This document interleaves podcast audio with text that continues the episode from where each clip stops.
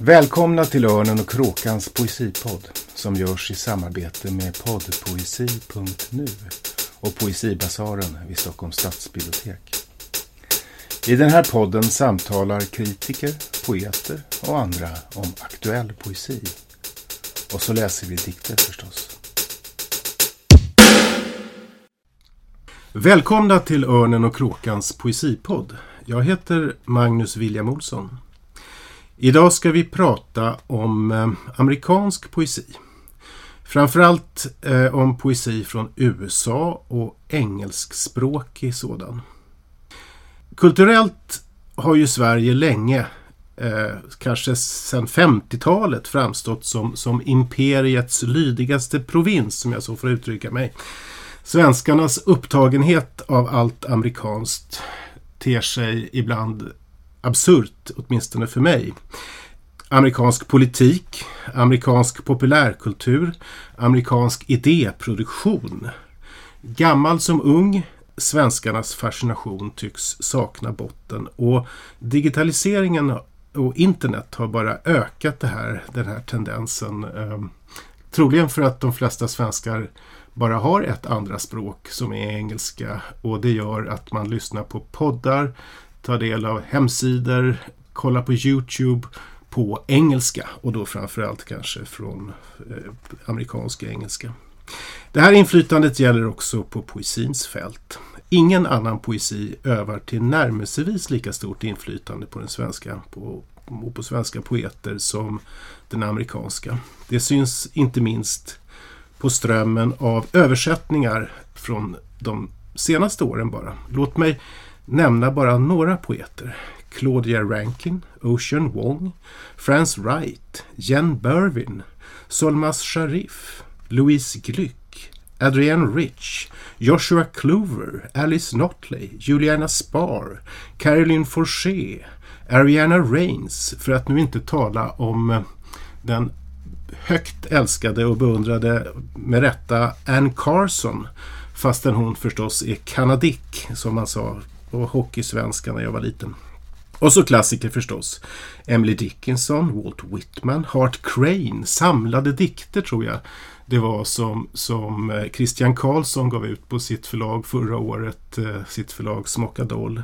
Och Stephen Crane, den unga eh, modernisten som dog ung.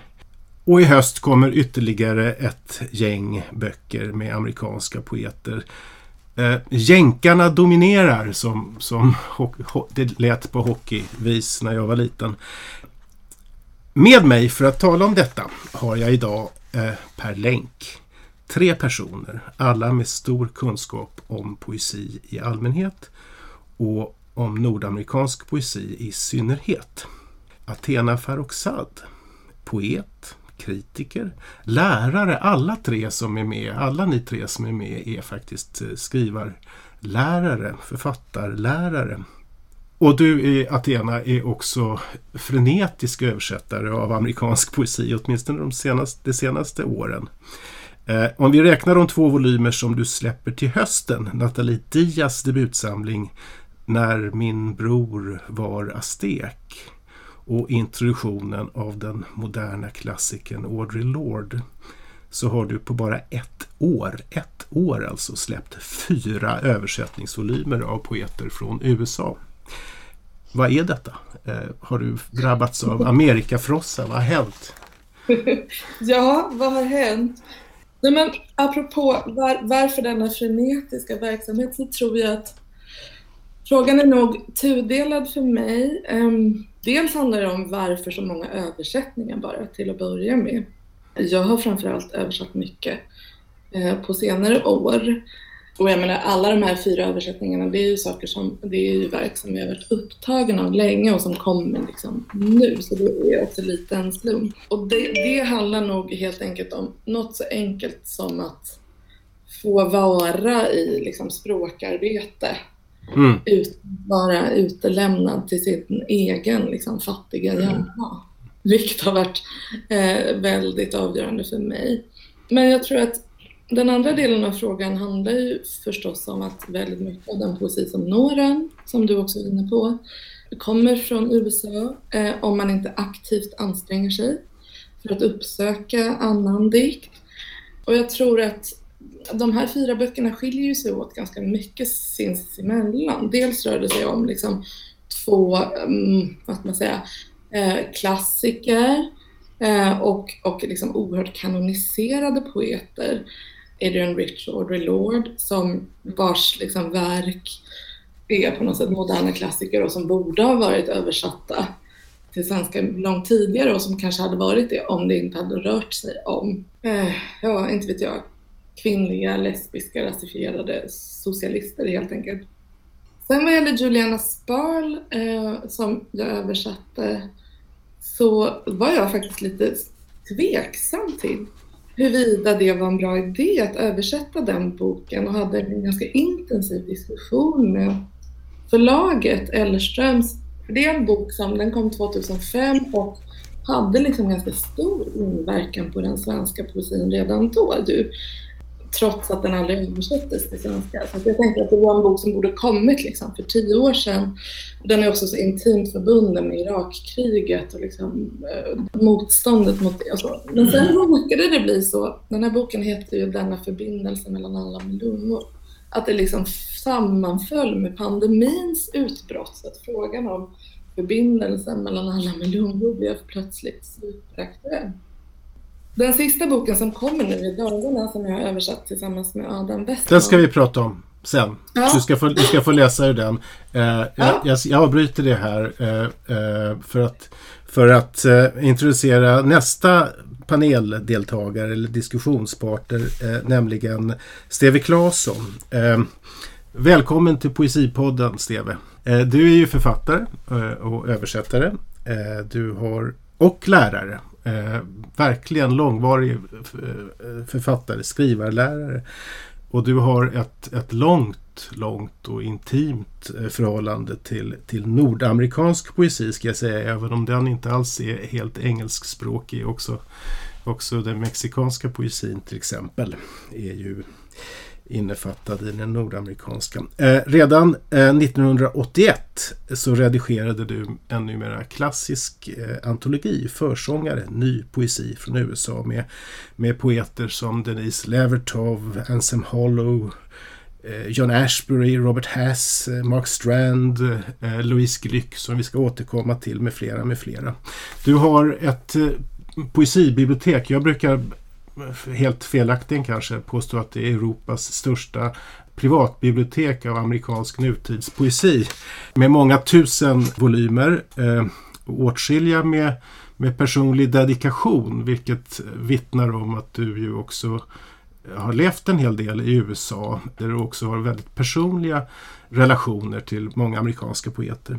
Och för ett par år sedan, 2017 var det väl, så gav du ut en fantastisk eh, bestämbar, genremässigt obestämbar bok. Eh, ett reportage eh, kan man väl säga eh, och ett, en memoar kanske också av, av dina, din relation till den amerikanska poesin från ditt hörn av USA. Ett, ett lantligt vinkel på den amerikanska poesin. Eller vad, är det att förminska? Ja, ja, det kan man säga. Det kan man säga. Va, va, ja. hur, varför skrev du den boken? Ja, alltså det är ju så här att eh, när jag började att översätta så översatte jag klassiker. Eh, det vill säga, jag är ju åtminstone två månader äldre än Anna och Athena. Va? Och när jag på, på mm, slutet av 60-talet eh, var med om att eh, drabbas av Vietnamkriget som är den viktigaste händelsen i min ungdom så konstaterade jag där att det var inte FNL-grupperna i Sverige som hade alla argumenten utan argumenten kom ifrån USA. De bra, de hållbara argumenten mot kriget kom ifrån USA.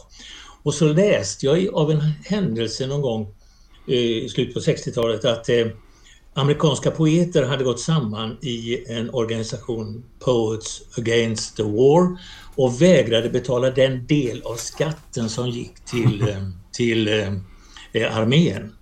Och det tyckte jag var jävligt häftigt. Så jag tänkte, och alla de där tänkte jag, måste jag börja läsa dem eftersom jag läste mest italienska poeter på den tiden. Och då märkte jag att nästan allihopa refererade till en gubbe som jag aldrig hade hört talas om som heter William Carlos Williams.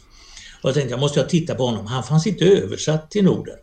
Så då pratade jag med Åke Nylinder som på den tiden jobbade på KB för Harry Järv och, så, och som också var intresserad av översättning av poesi och hade hållit på med Ezra Pound länge. Så sa ska vi ta och översätta William Carlos Williams? Så vi pratade med Cavefors och han sa det är det bästa förslag jag fått på länge. Så vi gav ut William Carlos Williams 74, 75, 76 mm. Och då hade jag fått kontakt med ett par i Amerika. Jag tänkte jag skulle göra någonting mer. Och då var det så att på ett par ställen så jag prenumererade redan då på väldigt många tidskrifter och inte för att skrämma någon nu men jag, ett tag prenumererade jag på 40 amerikanska poesitidskrifter så jag har hyrt ett sånt här Shurgard-förråd. Och när jag ibland är nere och måste kasta då 40 årgångar utav någon sån där så gråter jag i tre dagar sedan efteråt. Mm. Jag måste göra mig av med det. Va? Mm. Ingen, ingen vill ha det. Eftersom jag hela mitt liv har haft annat som betalar osten på mackorna så att säga så var jag inte beroende av översättningspengarna och de var jävligt små på den tiden kan jag tala om. Så att jag kunde kosta på mig att besöka de jag skulle översätta för att se om jag gillade dem helt enkelt. Och det betyder att jag har i stort sett bara översatt poeter som jag personligen känner och som jag kan besöka. Mm. Jag ska presentera också den tredje gästen eh, här idag som inte är poesiöversättare men som har skrivit en hel del om i egenskap av kritiker om en hel del av de här böckerna som har kommit ut, nämligen Anna Hallberg. Eh, och du är ju eh, också skrivars, skrivarskolelärare förstås och kritiker då, men framförallt poet. Och du kommer ju med en egen diktsamling ganska snart i höst. Och jag tänker, eh, har du, det, finns det amerikanska influenser i den? Det är svårt för, um, dig, själv, för dig själv att säga kanske, men... Um, det kommer ut på Beyoncés födelsedag, uh, vilket möjligen är en amerikansk vinkel. Nej, men, um, jag vet inte. Det, jag tycker att det också är väldigt svårt att svara på frågan, mm. det här hur man har eh, inspirerats och influerats av annan poesi. Naturligtvis har man gjort det och gör det hela tiden. Ibland kan det finnas en väldigt konkret inspiration. Eh, men jag skulle verkligen vilja tacka er alla tre. Du översätter ju också, Magnus. Mm. Eh, som svensk poet som inte översätter själv så är det enormt viktigt med den här mm. eh, införseln av flera skäl, tror jag. Jag har varit lite nervös för det här samtalet, för jag känner att jag är den som har minst på fötterna här. Jag är inte helt inläst på det nordamerikanska och varför ska jag prata om det? Och jag tyckte det var lite skönt när Magnus var kritisk eh, inledningsvis, för jag tycker nästan alltid när man som kritiker läser de här diktsamlingarna att de är liksom strösslade med blurbs och lovord och de är klassiker, de är så fantastiska. Så brukar jag tycka att de är halvbra. Men men för mig så började mötet med amerikansk poesi när jag var ja, 23-24. Då var jag i Göteborg och då startades tidskriften OI. Den startades 99. Och det gjorde den för att de tre ursprungsredaktörerna hade varit i USA och kom hem till Sverige och ville göra en tidskrift och den innehöll nästan bara översättningar av samtida fransk och amerikansk poesi. Mm. Det var väldigt öppnande. Mm. Eh, och det kanske ska vi, jag, tänker, jag tänker att kanske ska vi eh, ge lyssnarna en uh, lite kontext. Om man, ja. eh, om man tänker sig att uh, den, den, svenska, för, svenska poesins förhållande till den amerikanska eh, det finns förstås tidigare exempel och tidiga exempel men det stora det stora inflödet är med modernismen och det är framförallt är det T.S. Eliot som ju har betytt mer för svenska modernister än någonting annat och Ezra Pound så småningom och sen, sen kom ju eh, Whitman och, och, Dickinson så att säga i släptåg. Edgar Lee Masters blev viktig.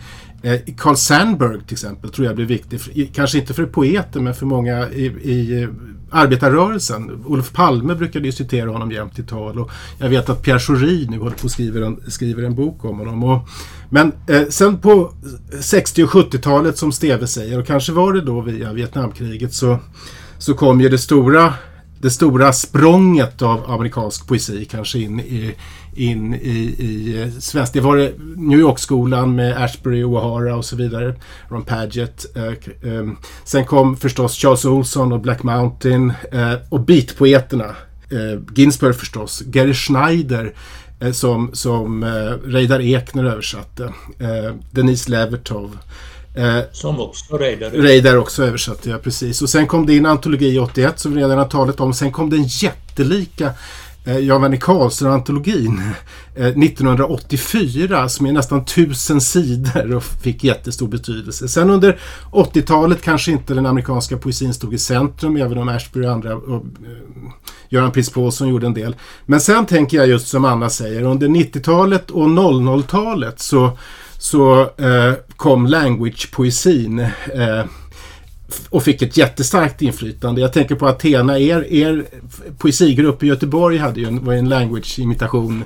Och eh, det var ju då Lenny Ginian, eh, eh, eh, Charles Bernstein förstås, eh, eh också eh, Michael Palmer som översattes och förstås konceptualister som Kenneth Goldschmidt och Vanessa Place och så vidare under 00, 90 och 00-talet. Sen under 10-talet så kom altlit-poesin, alltså internetpoeterna, Mira Gonzales och, och Taolin till exempel. Va? Och, och förstås, jag minns en uppläsning 2016 eh, här med, med Steve Ruggenbach eh, i, på ett café på, i Stockholm där jag tror att jag var den enda över 22 och eh, jag var också den enda vars ögon inte lyste som bengaliska eldar.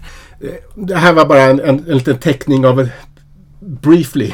Men om vi tittar på den, den, den litteratur som har översatts nu, de senaste åren bara. Eh, hur, vad skulle ni säga, vilken, vad är det för influens som kommer från, från USA nu? Just nu, om man tittar på det som ges ut. Vad, vad är det för tendens? Mm. Alltså jag skulle vilja lägga till en sak som du inte nämner när du pratar om allihopa och som jag tänkte på också i din uppräkning. Det finns ju en gäng, de är lite äldre poeterna, men som har sin, sin hemvist i det du kallar rurala lite grann. Och jag tänker på Wendell Berry till exempel, eller Ted Kooser eller John Haynes. De är alla översatta mm. nyligen till svenska också.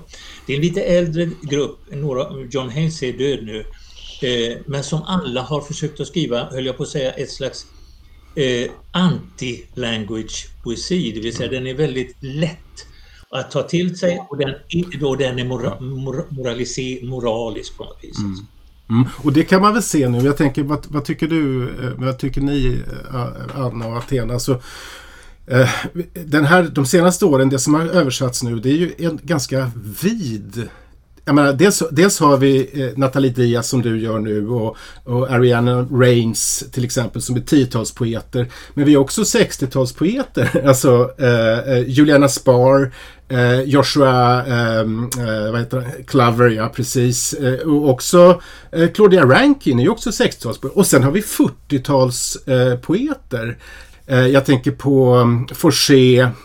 Eh, vad var det mer jag tänkte på? Jag har också förstås Louise Glück som ju har kommit stort äntligen på svenska även om hon har varit lite översatt tidigare. Och så Alice Notley förstås som Marie Silkeberg har gjort och alldeles nyligen kommit ut. Det här, det här är ju ett väldigt brett eh, eh fält. Det, det är en bred utgivning om man säger så. Men, men kanske är det ändå en typ av poesi som inte är ja, men den skiljer sig från, från de poeterna som, som eh, eh OEI började introducera i slutet på 90-talet?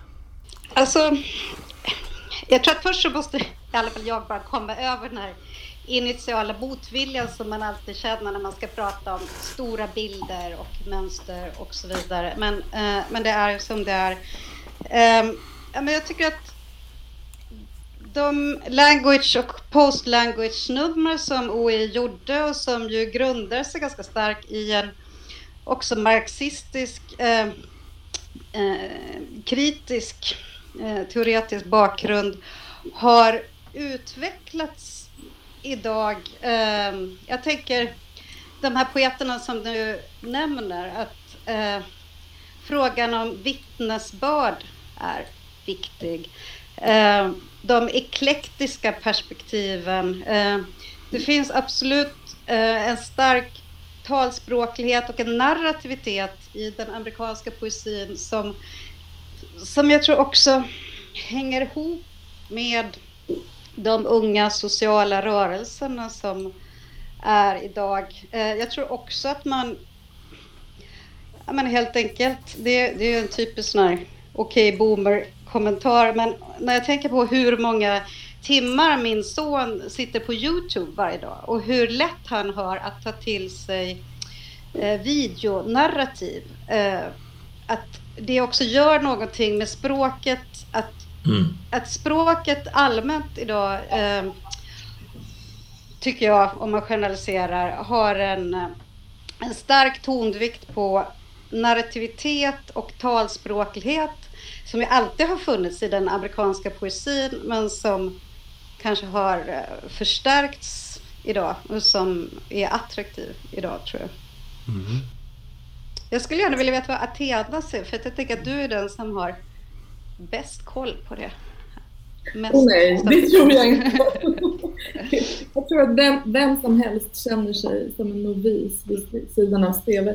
Men, men, eh, men det ska du inte göra Athena därför att de sista fem sex åren har jag inte följt med det nya utan jag tänkte göra Athena istället. Nej, men jag tror, jag tror dels, det är ju alltid, det känns alltid tendensiöst och svårt att uttala sig i sin absoluta samtid. Men jag tror dels som du säger, Magnus, två tendenser är väl tydliga. Dels, dels de här poeterna som är oerhört etablerade och liksom kanoniserade samtidigt levande eller döda. Eh, som, som lika gärna hade kunnat komma på 80-talet eller så. Eh, som blir utgivna först nu, Louis Glück, Caroline Forssé, eh, Annie Notley och så vidare. Eh, som ju, ja men det är ju på något sätt, de hade nog funnit sin publik i ett tidigare decennium också, tror jag. De är liksom lite eftersläntrade. Men sen, eh, jag tycker det här du pratar om, Anna, är intressant. För om det är någon liksom generell invändning som jag alltid har haft gentemot den amerikanska, den nordamerikanska poesin, det är att det finns en, en liksom allmän tendens för babblighet tycker jag. Det är ganska, det är ganska, jag håller med. Det, det, det, är väldigt ordrika, oförtätade eh, och i ganska många olika liksom, skolor och, och stilbildningar en förkärlek för att liksom, lägga ut texten, bre ut sig, Eh, det, det, är inte, det är liksom inte minimalismen som står i centrum. Och det, det är en väldigt intressant observation tycker jag, att det kanske har att göra med samtidens förkärlek för babblighet generellt. Att, att den här liksom samtiden har kommit ikapp den, den nordamerikanska dikten. Men, men en annan tendens som man kanske kan skönja, det är ju relativt unga poeter från USA eh, kanske inte superetablerade som har liksom en, två, tre diktsamlingar bakom sig och som skriver ganska explicit om frågor om ras och rasism och liksom det postkoloniala tillståndet, eh, krig, migration och så vidare. Poeter som, som Sharif och som Bon, eh, Nathalie Diaz som eh, förhåller sig till en urfolkskontext och att det har funnits helt enkelt liksom en social och kulturell rörelse i Sverige, säger de senaste tio åren, som också har plockat upp väldigt mycket eh, liksom motståndskultur från USA och att det nu har sipprat in i liksom, poesiutgivningen. Den tendensen kanske man skulle... Jag tänker eh, Athena, jag har ju bett dig och Steve att ta med varsin dikt och du har tagit med en dikt av Nathalie Diaz som du och Adam Westman har översatt och som kommer med en bok i höst. Kan du inte läsa den så att, så att lyssnarna får en, en aning om, um, om vad vi pratar om? Ja, det vill jag gärna göra. Ska vi säga det... någonting om henne först? Eller? Precis. Det är alltså en bok eh, som heter When my brother was an Aztec, när min bror var aztek, som kommer precis nu i dagarna på Ramus som jag och Adam Westman översatt tillsammans. Och den, den kom 2012 i, i USA och var Nathalie Dias första diktsamling. Eh, och nu under, under det här översättningsarbetets gång så har hon kommit med sin andra diktsamling som heter Post Colonial Love Poems. Men hon är inte helt ung. Hon är lite... Hon är... Nej, vad kan hon vara? Hon är född i början på 70-talet, så hon är väl... Precis, ja, 78 tror jag ungefär. Ja. Tio år äldre än mig. Ja. Um, precis. Uh, och, och, man kan väl säga hon, jag uppfattar henne som nästan helt okänd i en svensk kontext. Jag tror inte särskilt många har läst henne eller hört talas om henne. Hon har ju som sagt bara en och nu då två böcker bakom sig. Men, men i, hon liksom har ofta, eh, den här boken, När min bror var stek, förekommer väldigt ofta ändå på listor och liksom samlingar över eh, amerikansk poesi eh, som har haft liksom, stort inflytande under, under 10-talet. Så det har varit ett liksom, väldigt tongivande verk.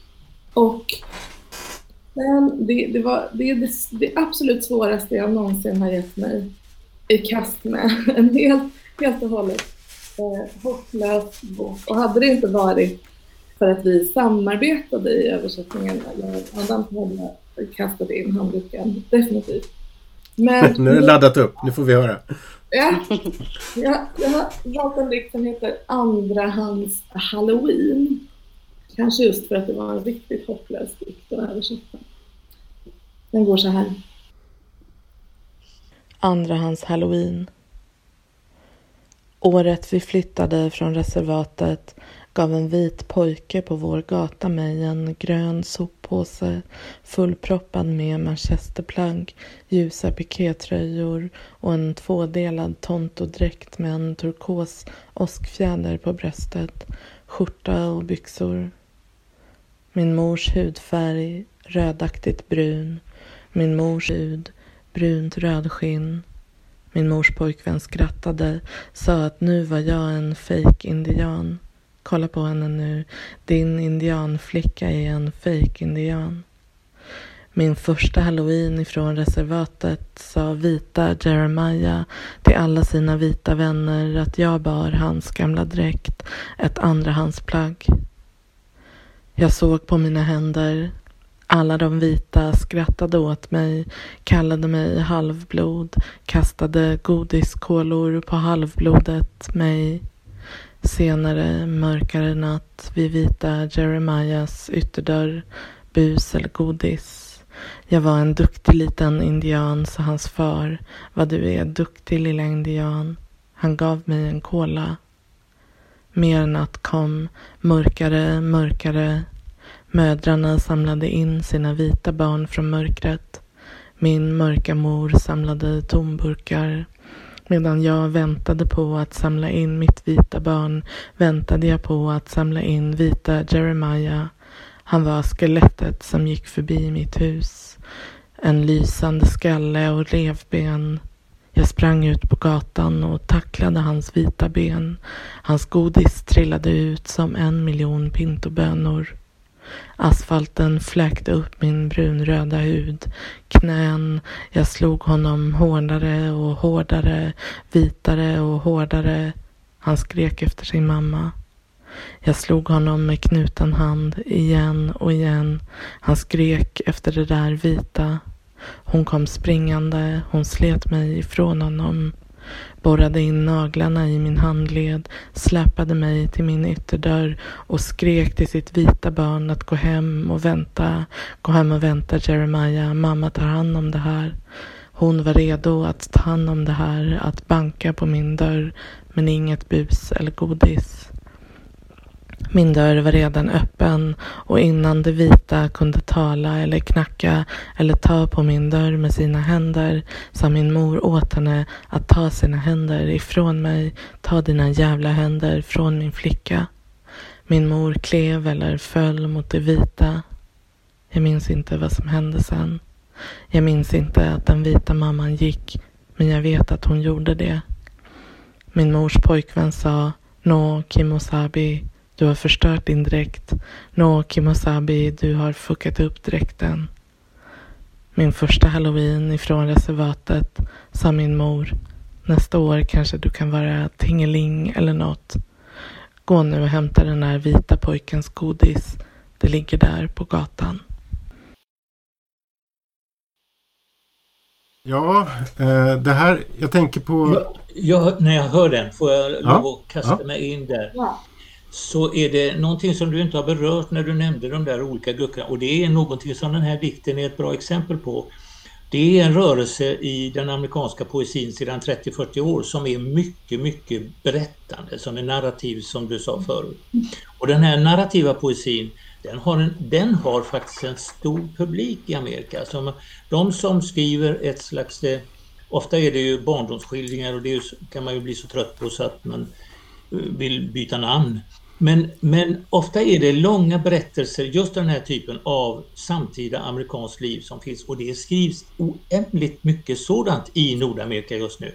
Det är bara det att de är ofta så långa att det är omöjligt att översätta dem. Jag gjorde några sådana med Stephen Dobins och Nicholas Christopher och några andra för några år sedan för en tidskrift och fick veta att alla dikterna var för långa så man skar ner det till en eller två istället utav dem.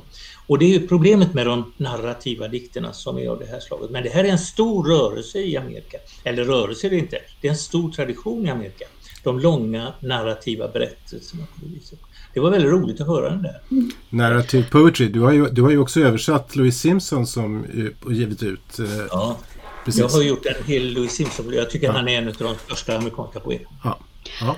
Ja, men, tack Athena, otroligt fint att höra dig läsa. Och jag tror att du har helt rätt när du säger att, menar, det är en stor och viktig rörelse i den samtida svenska poesin nu där man gärna lånar in och tar stöd av samtida amerikansk poesi helt enkelt för att eh, berätta om erfarenheter av eh, rasism, etnicitet, förtryck och så vidare. Eh, för 15 år sedan så var Juliana Spar hemma hos mig. Jag hade haft anledning att bjuda henne till Stockholm och läsa på en poesifestival.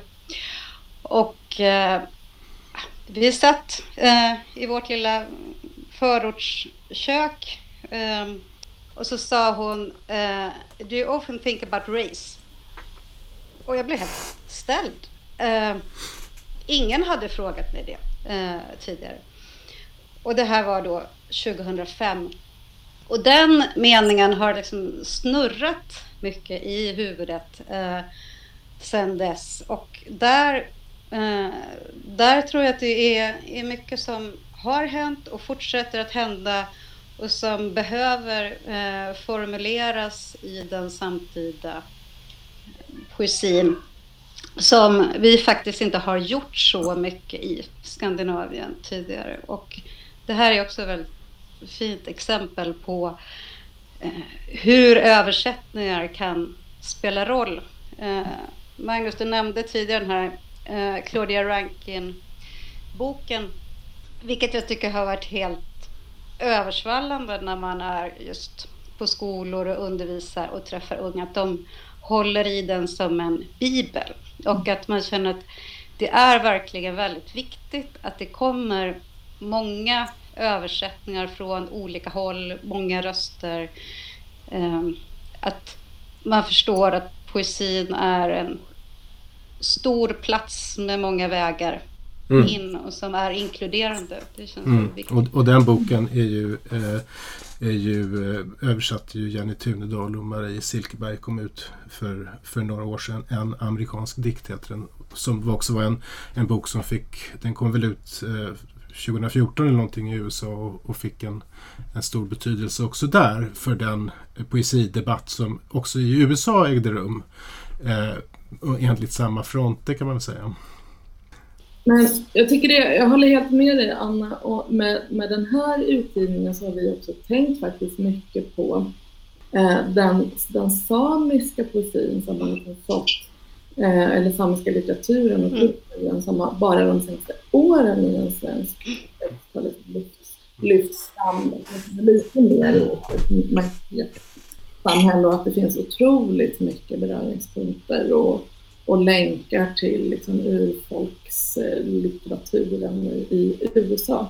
Men jag tycker för, för att återgå till din inledning Magnus, eh, så tycker jag också att här, här måste man ju på något sätt lyfta en kritisk fråga om vad det här egentligen innebär. För att jag tänkte också på det som Lisa skrev, att, att de bästa argumenten mot Vietnamkriget kom från USA eh, och Poets Against the War och så vidare. Och vad, vad liksom innebär då detta? Att, att vi inte bara upptagna av liksom amerikansk inrikespolitik eller amerikansk mainstream populärkultur, utan så mycket av den motståndskultur som når oss och som ligger till grund för och understödjer liksom, radikal teori eller politiska rörelser eller banbrytande poesi i Sverige är, är också en direkt import av, in, från imperiet.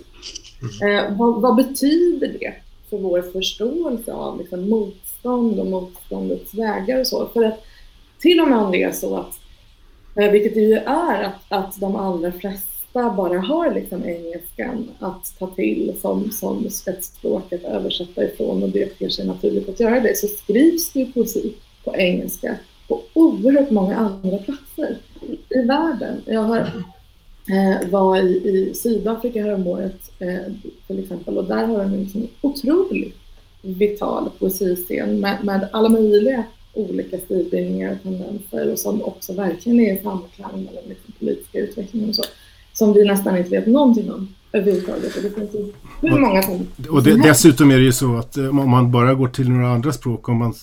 Ja, min, min egen relation till USA gäller eh, amerikansk poesi. Amerikanska poeter är väsentligen poeter som som bor och på olika sätt verkar i USA men som kanske skriver på andra språk. Eh, och eh, USA är i den meningen också en magnet eh, för imperiets alla, från, där poet, poeter från imperiets alla hörn kommer. Men jag håller verkligen med dig om att det finns något djupt problematiskt i det där. om man tänker på en annan nordamerikansk eh, eh, del, Mexiko som jag håller på mycket med, eh, så finns det ju där en en motsvarande politisk rörelse och en annan politisk tradition som inte alls kommer till uttryck i, eller väldigt lite kommer till uttryck i den svenska, vad ska vi säga, i vid mening motståndskulturen. Eh, och det där är ett, det är både ett, eh, där, visar USA både sin rikedom, eh, just för att det är så många som verkar där från så många olika hörn, men också Sverige sin begränsning tycker jag. Det är någonting, det är någonting som rimmar ganska illa tycker jag med poesins grundfundament som jag upplever som uppmärksamhet. Eh, man ska vara så kort. Vad är poesi? Poesi är uppmärksamhet. Och sen hur man formulerar den uppmärksamheten eller var man sätter den. Um, och det är något djävulskt i att ja, men då är det USA igen som eh, formulerar de riktlinjerna, då har man nästan tappat blicken. Ganska länge så hade jag så eh, dåligt samvete för att jag inte är så internationellt orienterad som, som jag kanske har velat. Jag fick barn ganska tidigt och har varit mycket hemma, lever mycket i det lilla livet och är inte heller aktiv på sociala medier.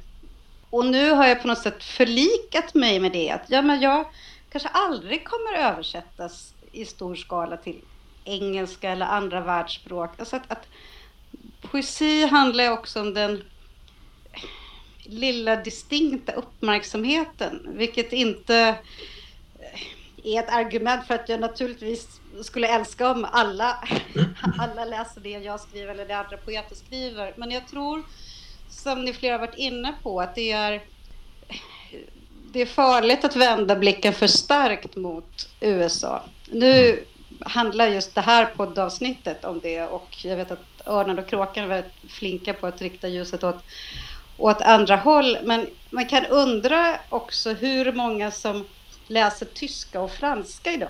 Det är på något sätt att engelska är det språk som eh, alla pratar och läser och förväntar sig. Um, Spanska skulle man också vilja se eh, ja, mm. fler översättningar. Mm. Ja, jag har en synpunkt på det. Jag skrev en variant på min bok som utspelar sig i Italien. Jag talar italienska också.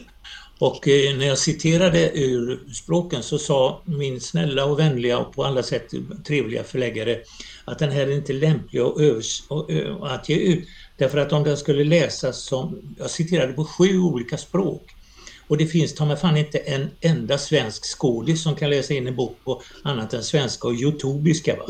Och det, så jag bara la ner den och tänkte jag gör den på något annat sätt. Men du har rätt i det, alltså den här bristen på kunskap i andra språk börjar bli ett stort problem tycker jag i Sverige.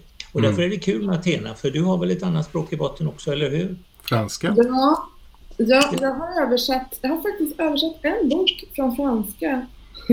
Och det var egentligen vad jag tänkte mig från början att jag skulle översätta ifrån.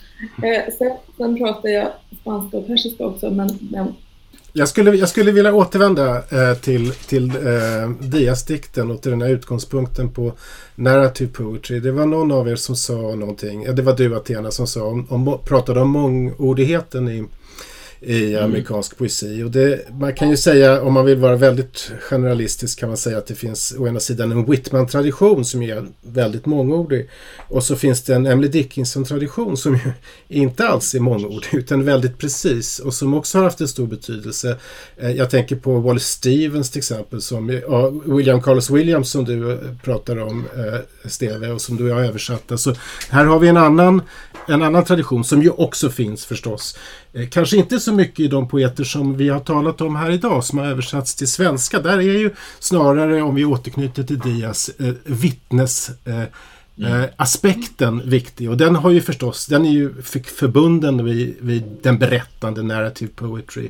Eh, Caroline Forché som, som Lars Gustav Andersson precis har översatt eh, tycker jag är intressant därvidlag. Hon är ju en också en eminent politisk poet fast eh, jobbar i, i, i reportagegenren snarast. Hon, hon, hon skrev i, redan på 70-talet eh, eh, om El, El Salvador. Eh, och, och, hon har skrivit, hon har varit korrespondent till och med i, i Libanon och Beirut och skrivit eh, en slags vittnespoesi eh, Eh, utifrån det. Så det, det, det, är en annan, där, där finns det andra olika, olika spår. Men sen finns det en tredje eh, och väg här tänker jag. Och, och det, jag tänkte på den dikt som du vill läsa Steve som du har bestämt som är en annan sorts poesi som är en väldigt, eh, ska vi säga, verserad, bildad bildad eh, poesi. Kan du inte berätta, vad är, vad, vad är det du har tagit med dig? Ja, nej, men du frågade mig om vad jag skulle läsa. Jag skickade med två, ett par dikter som också Athena och Anna har fått. Då eh, av eh, B.H. Fairchild som jag tycker är en poet som borde översättas till svenska. En fantastisk poet. Eh, och, och Larry, Lewis, eh, Larry Lewis som dog för ganska många år sedan men som idag betraktas som en av de verkliga klassikerna i den nya. Han är aldrig översatt till svenska heller, vilket är nästan konstigt.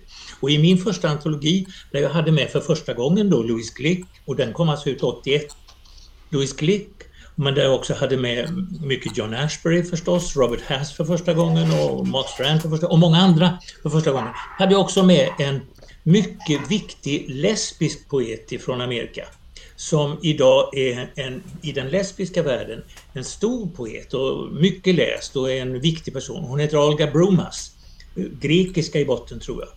Eh, och ingen har översatt henne sedan. Vi gjorde några stycken dikter där i. Så det finns hela tiden någonting. Men när du frågade mig så tänkte jag, jag gillar ju de här berättande, men jag gillar också de här Mark Strandiska berättelserna som liksom glider ett litet stycke ut i det som är, kräver en del kunskap från, från den som lyssnar. Men som också är lekfulla på det viset att man laborerar nästan surrealistiskt med någonting. Och Billy Collins som idag har blivit en slags eh, eh, Camilla Lackberg, eller vad heter hon? Alltså som läs, alla läser och som har blivit sån superkändis att han kan turnera. Och hans första diktsamlingar var lysande. Nu är de för, för att prata med, med, med Athena, för pladdriga. Men han skrev tidigt en liten rolig dikt om skrivande. Han skriver flera om hur han sitter vid skrivmaskinen och klär av sig allting och sådär.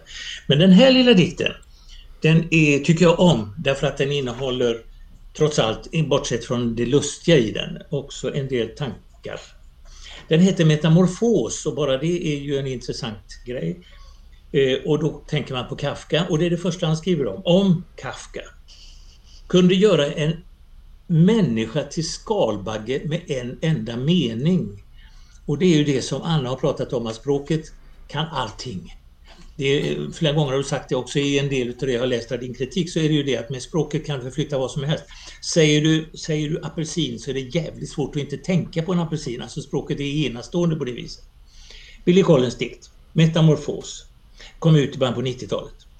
Om Kafka kunde göra en människa till skalbagge med en enda mening skulle han kanske kunna förvandla mig till någonting nytt. En stillsam, självsvåldig flod som rinner genom en skog. Eller helt enkelt det tyska ordet för flod. Några bokstäver gömda i den mörka alfabetiska ordningen i ett lexikon. Inte för att jag har det så illa, men det skulle vara skönt med en ny omgivning och ny materia och vädret som hela tiden påminner om honom. Jag föreställer mig Kafka vid sitt skrivbord. Pennans stift som, likt en fågelnäbb, grumlar ytan på en damm av bläck. Och överst på ett ark skriver han en mening som förvandlar mig till guldfisk. Eller en borttappad vante. Eller en famn huggen ved. Eller till stadsbiblioteket i New York. Tänk att vakna en morgon som stadsbiblioteket i New York. Jag skulle tillbringa dagen med att betrakta gamla män i regnrockar komma upp för de obekväma trapporna mellan lejonen med vildsinta anteckningsböcker i innerfickorna. Jag skulle känna boksidorna vändas inuti mig likt fjärilar. Jag skulle se ut över Femte Avenyn med fullkomligt allvarligt ansikte. Mm. Det, är ju, det här är ju en, det, det, är, en, det är en fantastiskt fin dikt och det där slutet tycker jag är, är, är vackert. Eh, jag tänker på, eh, det här är ju en typ av poesi som kanske inte översatts så mycket till svenska nu. Inte från något, men det finns ändå. Jag, jag, tänker på en poet. Det finns ju många poeter som, som Athena var inne på. Eh, som så att säga kommer från andra länder men som på ett sätt eh, i själva verket är amerikanska poeter. Jag tänker på en poet som också kommer ut med en bok på svenska i höst i översättning av Lars-Håkan Svensson, nämligen Paul Muldoon. Som ju också har verkat, han har väl bott i USA sedan 80-talet, Paul Muldoon, fast han är ju irländare och aldrig skulle säga något annat. Eh, men det här handlar om en, en, eh, en ska vi kalla det för en medelklasspoesi, Ehm, för den bildade medelklassen eh, som, som liksom eh, är, är, är, är witty och samtidigt bildskarp och allusiv och så. Och då tänker jag Steve på, på en annan poet som ju faktiskt är på ett sätt har ett ben i den traditionen i alla fall. Och, och som du har översatt, nämligen Louise Glück.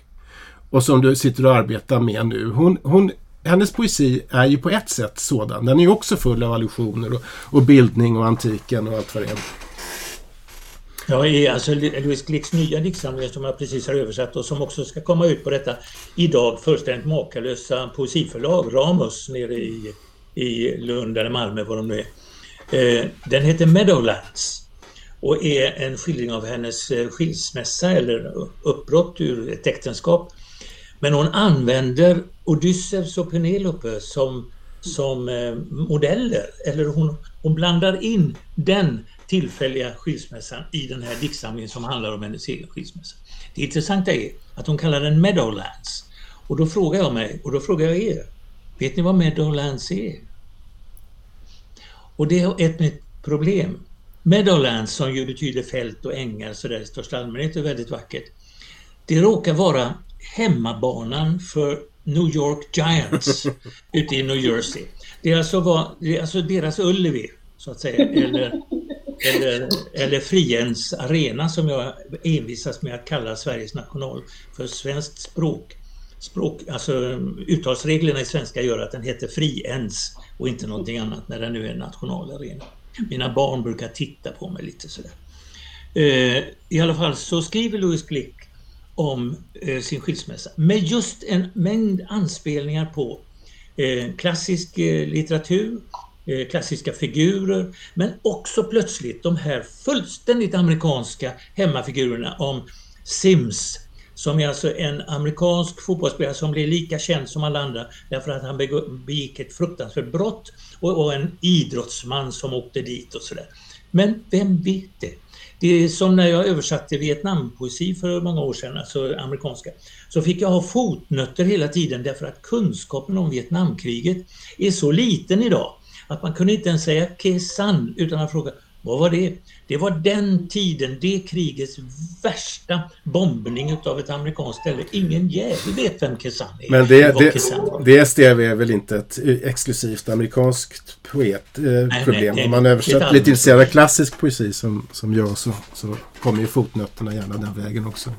Eh, och det gäller väl men jag tycker att ja, men den eklektiska sidan som Steve tar upp och som också på ett sätt exemplifieras i diktläsningen att man kan eh, förvandlas som Kafkas Skalbaggen till att bli någonting annat i dikten. Ehm, är ju också diktens möjlighet. Om man ska alltså, klassordna poesi så att det bara är medelklassen som får läsa om Odysseus och arbetarklassen ska bara... Alltså då, det, blir, det blir fruktansvärt. Och jag tänker att just den här eklektiska sidan som man ser hos många samtida amerikanska poeter. Jag tycker kanske den översättning som jag tycker nästan bäst om är den här Ocean Wong, mm. eh, Natthimmel med kulhål, som jag tycker är ett ganska bra exempel på samtida poesi som både, både är narrativ och stiliserad, både har klassiska figurer och väldigt enkla eh, populärkulturella både är amerikansk men också har exilerfarenhet eh, som rör sig över normativitetsgränser på olika vis. Och jag tycker att när poesin lyckas spränga de gränserna eller korskoppla dem på olika vis så kan den ibland göra något väldigt stort. Och Louise Glück är också ett utmärkt exempel på en sån poet som, ja, man kan, man kan stå i antiken och man kan också stå på en sportarena. Eh, mm. Det finns något mm. vackert. Men där tycker jag att humorn också är så central. Ja. Eh, hos Ocean Wong tänkte du på? Eller överhuvudtaget? Kanske inte just hos Ocean Wong, men hos, hos en poet som Louise Glück till exempel, som jag tycker otroligt mycket om. Eh, eller för, för att inte tala om Anne Carson, eller Mm. Och... Också hos Claudia Branken kan jag tycka, eller Nathalie Diaz, eller ja, hos många. Alltså det finns någonting i det här mötet liksom mellan det bildade, ganska högtravande, liksom den stora utblicken eh, och, och det, det liksom absolut triviala, vardagliga som kan också skapa en humoristisk exakthet som jag tycker Glück excellerar ju i det. Men ja, jag, har ett, andra. jag har ett exempel till Athena och Magnus från det och som du inte har nämnt och det är också en kille som faktiskt eh, är invandrad till Amerika, är en av Amerikas stora poeter och det är Charles Simic. Mm. Som ju har precis samma drag utav allting på samma gång va? men som också har trots allt i botten en exilkunskap. Det är intressant. men jag tänker bara att den här, den här förhållandet till till eh, den västerländska bildningen, till Europa, den, eh, den gäller ju hela Amerika. Alltså, det är ju en erfarenhet eh, som, som också gäller den, den spanskspråkiga, portugisiskspråkiga, latinamerikanska poesin. Alltså poeterna. Att, å ena sidan finns det en oerhört stark här, kunskap om den, om den europeiska bildningstraditionen. Men, men å andra sidan så känner man sig alltid på något sätt lite, lite queer i förhållande till den. Så att säga. Eh, men kära vänner, eh, nu, nu, nu rinner tiden här och, eh, och vi ska börja avsluta och jag, ska, jag har bett er alla att, att välja varsin poet som ni, eller någon som ni tycker borde översättas till, till svenska. Vill du börja Athena? Jag, jag tänkte faktiskt omedelbart på Fred Moulton. Mm. Eh, som jag gärna skulle se på svenska. Som är en generationskamrat med Claudia Rankin, filosof, poet eh, och väldigt upptagen av att jag kan utläsa radikala tendenser i svart amerikansk kultur och, och, och poesi. Eh, och han har skrivit liksom otroligt eh, viktiga essäer också. Blackness and nothingness, afropessimism and black optimism som har varit väldigt, väldigt centrala eh, också, också för den afroamerikanska kampen på senare år. Men han, han är en väldigt fin och otroligt svåröversatt poet, tror jag. Eh, så frågan är vem, vem som vågar ta sig an honom. Det finns lite utdrag ur ett Eh, i ett nummer av tidskriften Kritiker eh, av honom på svenska. Men det hade jag otroligt gärna Ja. Vad, har, vad har du tänkt Anna? Vad, vad, har du tänkt Anna? Har du tänkt på någon projekt? Ah, eh, förlåt, jag hörde lite dåligt. Eh, ja, men det första som jag tänkte på att jag skulle gärna vilja se eh, en större introduktion och översättning av Norma Cole som eh, visserligen är född i Toronto men sedan länge eh, bor i eh, San Francisco och född 45 och också en av de eh, stora, viktiga poeterna. Det finns några dikter översatta av Helene Eriksson, några av Beata Berggren. Eh, det skulle jag tycka var, var roligt. Eh, men sen så känner jag också att jag... Alltså, men som du nämnde, Steve Roggenback och Tao Lin och de här liksom kända stjärnorna som man, man har sett. Men jag skulle gärna se översättningar. Alltså, det är min erfarenhet att de som kanske står lite vid sidan av ofta kan vara de mest intressanta. Och där behöver jag hjälp. Det är en kunskap som jag själv inte har. Eh, men jag skulle gärna se introduktioner av den amerikanska samtidspoesin eh, som kanske inte är liksom den första som kommer upp när man googlar, utan eh, mm. det är mitt önskemål. Mm. Steve då? Ja, jag tycker ju att några utav dem som har varit med länge men som aldrig hamnade i svensk översättning skulle översättas. Och jag tänkte väldigt länge på det. Jag hade Ol Olga eh, Bruma som idé, jag hade också Dana Joya som idé. Det finns en hel, alltså de är ju hundratals. Alltså vi är 10 miljoner och de är 350 miljoner. Det betyder att på varje bra svensk poet går det 35 bra amerikanska poeter om det är samma eh, densitet på det. Och det, det finns så många. Men det finns en poet som aldrig översatt. Det finns en som jag tyckte väldigt bra om tidigt som också har träffat. C.K. Williams. Men nu har han kommit tror jag på svenska med en diktsamling, eller kommer. Eh, men den jag verkligen tänker på är Larry Lewis som dog på 90-talet. Och när jag är i Amerika och pratar om poesi så citeras han alltså, lika mycket som eh, man citerar Raymond Carver så fort man pratar om noveller. Så, så gör man det. Och Larry Lewis är, är kanske en utav dem. Sen har jag också översatt en del av de här amerikanska indianerna.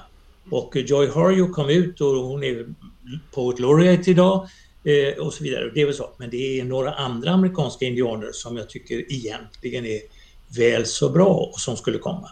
Problemet med dem är att upptagenheten av att vara amerikansk indian slår över i, i många gånger i ett slags det är så synd om mig och det gör jag.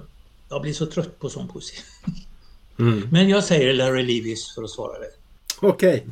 Ja, eh, eh, då, då ska jag tacka er för den här för era fantastiskt era kunskaper som har runnit in i Örnen och Kråkan här i, i den här podden. Det, eh, vi får väl se vad som, vad som kommer. Jag, tror, jag tippar att, att den här trenden kommer att fortsätta av just lingvistiska skäl.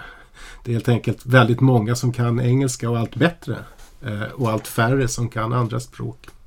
Eh, tack alltså Anna, tack Athena, tack Steve. Nästa podd hoppas vi äntligen kunna spela in på ett bibliotek någonstans som vi brukar göra med Örnen och Kråkan inför en, en jättelik och tätt sittande eller åtminstone en, en lagom stor och, eh, och gles publik. Örnen och Kråkan drar med den här podden igång höstsäsongen och kommer varje onsdag klockan sju att publicera en lång och genomarbetad och schysst arvoderad recension av aktuell poesi att läsa eller, eller lyssna till på www.ornenochkrakan.se. Vi ska sluta podden med att lyssna på en poet som har betytt mycket för mig och som kom med en bok eh, eh, redan 2013 var det väl eh, på svenska, eh, nämligen C.D. Wright eh, som dog 2016. Och eh, ni ska få till sist i podden höra en dikt av henne uppläst av hennes översättare Niklas Nilsson. Lika visst som det handlar om luft, om ljus och om jord ska vatten sippra mellan fingrarna i en varsam näve. För vad nytta gör ett trästaket mot andetag som ryker av eld? Vad nytta att peka ut blomstigen om sockerpåsen är tom? Vad nytta att blåsa i klarinetten om man bara blir ful av att blåsa? För lika visst som vind låser upp bildörrar och skåp går unga män iväg med sina testiklar för att dela mellangårdens gräs. Och när de kommer till den lilla bäcken spänner de sig mot varandra och inför allt oförutsett och under varje hudpar upptäcker hon hans oantastliga annanhet och under varje hudpar upptäcker han hennes fukt, mörker, fruktsamhet. För lika visst som det handlar om luft, om ljus och om jord i en varsam näve ska vatten sippra mellan fingrar, för det okända måste förbli okänt. Du har lyssnat till Örnen och kråkans poesipodd. Läs mycket mer om aktuell poesi på ornenochkrakan.se